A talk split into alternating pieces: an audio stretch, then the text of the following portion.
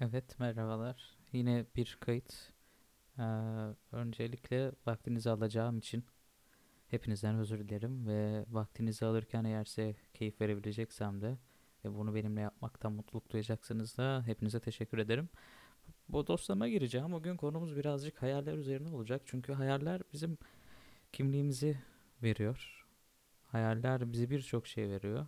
Ama ben özellikle kimliğimizi verdiği konusunda çoğumuzun hemfikir olacağını düşünüyorum. Bunun da sebebi şu. Çocuk başlar hayata işte 2-3 yaşındadır. Böyle artık bir şeyleri aşmıştır. Son 4-5 yaşına girerken artık kendi ne olacağını söylemeye başlar. insanların neler yaptığını söylemeye başlar. Bunlar önemli şeylerdir. Çünkü çocuğu bu sefer anlamaya başlayacaksınız. Çocuk size kendini anlatmaya başlayacak. Zaman geçtikçe hayallerinden de bahsedecek. Yani zaten çoğu zaman çocuğun konuştuğu şeyler aslında bir nevi hayalleridir. Çünkü küçükken daha fazla bir şeyleri hayal etmeye yönelik bir kafada olur çocuklar. Yani en azından benim gözlemlediğim kadarıyla öyle. Sonuçta ejderhaya binmeyi isteyen çocuk onun hayalini kurabildiği için bunu söylüyor. Ve bu şeyler bizim ilkokuldan sonra özellikle ortaokulda hayatımızı çok işlemeye başlayacak. Çünkü ergenliğe giriyoruz. İşte 11-10 normalde 12-21 arası ergenlik denir bilimsel olarak ama 10-11 yaşında ergenleşmeye başlayan birçok çocuk olur. Ve bir bakmışsınız o çocuk artık o şekilde ergenliğin de verdiği geleceği kurma isteğiyle bu kaygıların başlaması sebebiyle çünkü 6. 7. sınıfa denk geliyor ergenliğin o tam başladığı zamanlar ve birkaç sene sonra çocuk artık liseli olacak. E, liseden sonra üniversite var. İşte bunların hepsi bir anda çocuğun üstüne binince pat diye hayaller ortaya çıkıyor. Ee, tabii bu yeni hayallerin bir getirisi de oluyor. Ben buna gelecek kaygısı diyorum. Birçok insanların dediği gibi. Bu konuya da şimdi nereden geldim? Açıkçası ben bir anda ben, ben spontane bir insanım. O yüzden şöyle bir şey oldu. Ben tüm gece bir e, kız Instagram'da hikayeme yanıt verdi. Kendisi 17 yaşında bir kardeşimizmiş. Ve birazcık bazı şeylerden yakındı. Ben de bir içine açması için tabii rahat bir ortam sağlamak adına dostum dedim, kardeşim dedim bunlar geçer. Bunları dert etmeye vesaire. Derdin ne acaba diye bir girişince anladım ki gelecek kaygısı. Hmm. Ben şu an 22 yaşındaki bir birey olarak ben de bunu yaşıyorum. Yani 50 yaşını geçmiş babam da bunu yaşıyor. Sanırım ergenlikten sonra herkes yavaş yavaş bir gelecek kaygısı içerisine geliyor. Herkesin çareleri, herkesin son çareleri değişkendir. Ben insanların buradan sıyrılmaya çalışırken verdiğim mücadelelere çok hayranım. Çünkü bu dönüm noktaları, bu şeyler genellikle ee, insanı artık insan yapan şeyler oluyor. İnsanı kendisinin kimliğini kattığı şeyler oluyor. Mesela bir itfaiye eri olmak isteyen çocuk küçüklükte bunu gerçekten yapmayı istediğinde insanlarla konuştuğunda güçlü olması gerektiğini artık öğreniyor. Ve güçlü olmak için bir kaygı güdüyor. Yani güçlü olamazsam ne olur diye. Acaba güçlü olamazsam ne yaparım diye düşünmeye başladığında hem kaygı artmış oluyor hem de işte şu an birazcık da benim ana fikrim olan ya insan nedir ne yapar? Yani bizim hikayelerimiz var, bizim insanlıklarımız var, bizim karakterlerimiz var. Biz biz varız, biz oluyoruz, hayattayız, nefes alıyoruz. Biz kimiz? Bir tam olarak bir kimliğimiz var mı sizce ya da benim bir kimliğim var mı? Şu an beni ne olarak tanımlıyorsunuz? Bunlar bunlar işte benim çok önemsediğim konular. Çünkü ben halen buna tam olarak karar verebilmiş değilim. Çoğu tanıdığım insan da net olarak karar verdiğini söyleseler de bence verebilmiş değiller. Çünkü o zaman kaygıları tamamıyla bitmiş olurdu diye tahmin ediyorum.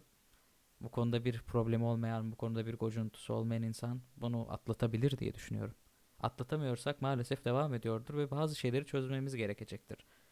İşte tam bu noktada kızla konuşurken şunu söylüyordu. Ailesine çok fazla söz vermiş. ve yapması gereken, olması gereken mesleği olmak istiyormuş. Kendisi de kara harp, pardon, hava harp okuluna girmek istediğini söyledi. Ankara'ya gitmek istediğini söyledi. Ama bunları söylerken o kadar hüzünlü ki. Normalde hayaller sizi mutlu edebilir. Hayal sizi mutlu edecektir. Lakin bu kız kardeşimiz maalesef ki çok mutlu olamıyordu. Çünkü işte bu gelecek kaygısının hayallerin bir getirisi var. Düzgünce bazı şeyleri yerine koyamadığımızda, taşlar yerine tam oturmadığında üstümüze arkadaşlar çok fazla baskı gelebilir. Ona bir çare aradım. Acaba ne yapabilir diye. Öncelikle şuna karar getiriyorum ki bizim değiştirmesi ne? Değiştirmeyi elinde tutamadığımız şeyler, değişimi elimize alamadığımız şeyler, kendi kontrol edemediğimiz şeyler için öncelikle üzülmemi prensip haline getirmek bence şart. Ya çünkü bir gül var, biri beyaz, biri kırmızı. Kırmızı gül hep kırmızı açıyor, beyaz gül de hep beyaz açıyor. E fıtratında o var. Yapısı o. Kırmızıdan beyaz, beyazdan kırmızı olmasını istememek gerekir. Şimdi bu kız pilot olmak istiyor ama mesela bir de şöyle şu açıdan bakın ben de havacılıkla ilgili olduğum için şöyle bir şey söyleyeceğim. Ee, pilot olmak böyle insanları evet ben işte insanları ailelerine kavuşturuyorum. İşte ben o yolcu uçağını uçuran pilotum demek var. Bir de o bombaları bırakan jet pilotu benim. Ee, burada düşüren uçağı düşüren pilot benim diyebilmek var. Maalesef meseleler gitgide birbirinden çok fazla ayrışan şeylerdir. Farklı yollara sapar her şey. İşte bir polis memuru var. Bu polis memuru artık kıdemli ve artık bir büronun başına geçiyor. Ama gençliğinde hem ahlak şubede çalışmış hem cinayet şubede çalışmış. Yani birçok şubede çalışmış böyle düşünün. E şimdi o adamın genel adı polis. Evet o adam bir polis ama çok fazla kabiliyeti olan başka alanlar da var. İşte o yüzden hayalleri kurmak, hayallere sahip olmak bunlar çok güzel şeyler ama o hani birçok nitelik gerektiren şeyler ya da o insanın elinde tuttuğu şeyleri tam olarak karar vererek ilerleyebilmesi bunlar hayallerin ne kadar düzgün de kurulduğuna birazcık kalan işler. Ben de o yüzden kendisine dedim ki oraya gelmek için gereken her şeyi yapmalısın. Çünkü bu senin hayatın. Ama sen sadece bundan ibaret olamazsın dedim. Ben mesela işte Hakkari'deydik.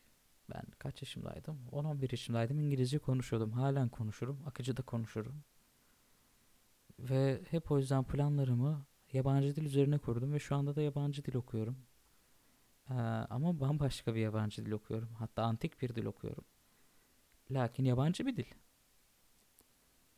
İşte benim elimden tutan ailem, dostlarım, yakınlarım hep e, niteliğim neyse ona göre beni yaratmaya çalıştılar. Bir anda bir şey körü körüne bağlanıp gitmeme neyse ki izin vermediler. Çünkü böyle şeyler maalesef bu çağda, bu zamanda tam olarak bereketli bir şey olmamış olabiliyor. E böylelikle ben güzel hayaller kurmuş oldum ve bunun için birçok gelecek kaygısı taşıdım. Halen de taşıyorum. Küçük yaşlardan beri ben hep şunu ayırt etmeye çalıştım. En güzel öğrenme yolu nedir? Nasıl öğrenirim? Nasıl öğrenebilirim? Mesela bu kız kitapları kullanıyor, insanları kullanıyor, soruyor. Bunlar çok güzel şeyler de bunlar olmadığında ne yaparım? Onu düşünüyorum. Yaş sadece sayımıdır. Bunu çok düşündüm. Çünkü ben hep küçük yaşlardan beri insanların çok fazlaca güvenini kazandım. İnsanlar bana hep yani güzel gözlerle baktılar. Sen bunu istiyorsan yaparsın. Sen bunu başarmak istiyorsan başarırsın. Vesaire gibi şeyler. Yani güzel şeylerdi ve ben bunlar sayesinde bir yere gelebildiğime inanıyorum. Çünkü bir insanın size sürekli pozitif olması ya da bir konu hakkında sürekli pozitif şeyler duymanızla negatif şeyler duymak arasında çok fazla fark var. Buna hep değinirim. Bu sayede işte ben hep düşüncelere sevk oldum. En sonunda sanırım kızın içini biraz rahatlatmış olacağım ki beni haklı buldu. Yazdıklarım defalarca kez okumasını söyledim. Her seferinde başka şeyler anlayabileceğini söyledim. Ve tek bir şeyden ibaret olmadığını söyledim. Kendim de ben kendimi tek bir şeyden ifade görmediğim için işte mesela şu an yaptığım işi yapıyorum. Çoğu zaman bilgisayarda vakit geçirdiğimde Photoshop'la ilgili bir şeyler yapabilir miyim diye bakıyorum. Yani sürekli kendime bir şey katmaya çalışıyorum. Bilim kurgu romanı okumayı hiç sevmiyorum. Artık bilim kurgudan sıkıldım.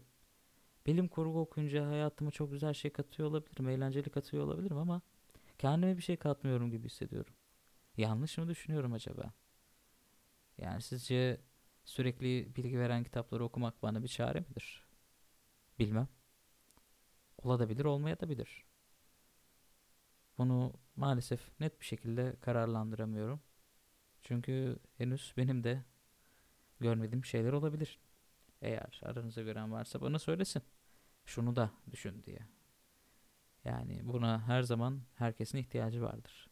Hikaye geri devam edecek olursak kızın benim çıkartamadığım şey ailesine verdiği sözler yüzünden sevdiği kişinin Ankara'da harp okulunda olmasının sebebiyle de birçok şeyle o şehire ve o bölüme o hırsa bağlı, tutkulu ve içinde de var. Bu belli. Ama şimdi bu yaşı küçük olduğu için mi kaynaklı yoksa sadece yaş bir sayı mıdır? Ya da çok fazla yaşı olan insanlar onun yaşadığı kaygıları yaşamaz mı? Yaşayabilir mi? Ben buna bugün soru bu soruyu sorup buna bir cevap aramak istedim. Ve maalesef cevabım yok ya. Yok. Yaşın sadece sayı olduğunu söyleyebilirim ama bu kaygı konusunda arkadaşlar ben başında dedim ki işte burası hikayelerimizin hikayeler olduğu yerler olacak. İşte hepimizin hikayesini değerlendireceğiz. Yani yaş hiç ayırt etmemiştim. Ve bugün de buna güzel bir örnek oldu. Çünkü herkesin bir derdi, herkesin bir sorunu, herkesin hayali, hayalleri var ve biz bunlara çareler arıyoruz, çözümler arıyoruz. Mesela bir de şöyle bir hikaye söyleyeyim size. Hikaye anlatayım daha doğrusu. En çok kim öğrenir? Okuyan mı yoksa gezen mi? Ya da farklı yöntemler mi? Bir gün bir yazar tüm kitaplarını tamamladıktan sonra inzivaya çekilir. Kendine binlerce kitap sipariş eder ve yıllarca çok uzun yıllarca odasından çıkmaz. Yaptığı tek şey kitap okumaktır. Sakalı ağrır, saçı ağrır. Çıkar odasından. Yıllar sonra dışarıya adamını atar. Sonra kaldırımın üzerinde daha çok ilerlemeden bir çiçek görür. İnanılmazdır. Çiçek onu o kadar etkiler ki Saatlerce baka kalır o çiçeğe. Ne olduğunu da anlayamaz. Sonra üstüne bir de bir kelebek konar. Akşama doğru güneş o kelebeğin kanatlarına vurdukça adamın gözünden öyle şaşkın duygular akar ki bir anda pişman olur. Ağlamaya başlar. Gözlerinden yaşlar gelir. Çünkü onlarca kitaba rağmen bütün hayatını öğrenmeye adamış olmasına rağmen kaldırımın üstündeki kenarındaki basit bir çiçek ve üstüne korunan kelebeğin ne olduğunu bilemez. Sonra sokaklarda gezen bir adam çıkar gelir. Adama ne yaptığını sorar. Ne olduğunu anlamaya çalışıyorum der. Şimdi der ki abi bu şu çiçek, bu da şu kelebek. Adama bakar, ağzında sigara, elinde tesbih gezen bir adam. Kendi ise hiç o tavıra, o cinse uymayan bir adam ve yıllarını öğrenmeye harcamış. İşte tekrar tekrar sormak lazım. En çok kim öğrenir? Okuyan mı yoksa gezen mi? Bu bence tam olarak bir net cevabı olan sorulardan değil. ben her zaman bu sorudan kaçmak için gezerken okuyan öğrenir hocam gibi cevaplar vermiştim ki sanırım en mantıklı cevap benim şu ana kadar bulduğum bu konuya oydu. Gezerken okuyan bence çok iyi bilir. En azından gezip de okuyan insanlara baktığımda pilot olduklarını, gemi kaptanları olduklarını, doktor olduklarını görüyorum. Ve sanırım bence birazcık söylerken haklıyım. İşte bu kimlik arayışı içerisinde insanların yaptığı şeyler ve bana bunların gelişi, denk gelişi, bunları anlatışları yani ben bunları hep aktarmak istedim. Şimdi bu adamın neci olduğu, kim olduğu birazcık meçhul bir duruma girdi. E çünkü kendisi zaten bir yazardı. Ama ne olduğunu tam olarak anlayamamış olsa ki tekrardan öğrenme isteğiyle yanıp tutuşarak böyle bir işe girişti ve sonucuna bakınca tam olarak hoşnut olmadı. Bu kimlik arayışları beni de maalesef çok süründürüyor. Halen kimliğimi arıyorum ve büyük ihtimalle öleceğim güne kadar da tam olarak bulamayacağım. Çünkü kurduğum hayallerin üstüme verdiği gelecek kaygısından dolayı göremediğim küçük yaşımdaki şeyler yaşım arttıkça sadece yaşım bir sayı olduğunu düşündüğümde en çok halen kimin öğrendi, öğrenmediğini anlamaya çalışırken kendimin kimliğini arayıp neci olduğumu, kim olduğumu bulamadığımda kendime taktığım prangalar yüzünden bir şeyleri kaçırmış atlamış olabilirim. O yüzden onun olması, olmaması zaman zaman elimde mi değil mi düşünüyorum ama bunun tabii ki de olmaması dileklerimle herkese de başarılar diliyorum. Son olarak şuna değinmek istiyorum. Bu kızın hikayesine dönelim tekrardan. Ben diyorum ki kendinizi tek bir şeye ihtiyacınız olmadığı zaman da ben bu olacağım, ben şu olacağım, ben buyum, ben şuyum diye kanalize ettiğinizde kendinize bir çeşit pranga vurmuş olursunuz. Bir at gözlüğü bakmış edasıyla, at gözüyle bakmış edasıyla bakar durursunuz. Etrafınızdaki şeyleri çözümlersiniz ama belki de onlara mana veremezsiniz. O yüzden benim yaptığım hatalardan birisi birçok şeyi reddetmek ve onlara bakmamak oldu ama artık onlara bakmayı ve onları görmeyi istiyorum. Çünkü onların bana yararlı olabileceğini gördüm. Onların yararlı olabileceğini düşündüm ve buna göre bir şeyler yapmaya çalıştım. Umarım yavaş yavaş başarıyorum. Benim gözümü ismini vermek istemediğim çok tatlı bir insan açtı bu konuda. Ve kendime taktığım farklılıkları reddetme prangasını bir süredir, kayda değer bir süredir çıkarttım attım. Benim bu konudaki en büyük derdim insanları reddetmekti. İnsanları ön yargıyla tanımaktı. Bu prangadan kurtuldum. Benim son çarem tatlı bir insanın elindeymiş ve yaptığım hataları yüzüme vurmaktansa bu hataları bir daha nasıl tekrar yapmamam gerektiği için benimle güzelce konuşmuştu. O yüzden ben de size konuşuyorum. Eğer ki sadece ama sadece ihtiyacınız olmadığı anda bir şeye kanalize olduysanız bundan artık memnun değilseniz lütfen ama lütfen o prangalarınızı başka şeylere şekil aldıracak şekilde bırakın, atın ve özgür bir hayatın tadını çıkartmaya başlayın. Umarım sizin de her zaman çareniz olur ama hiçbirisi son çareniz olmaz. Her zaman dertlerinize çare bulmanız dileklerimde. Ben gidiyorum. Bir ara görüşürüz. Hadi bay bay.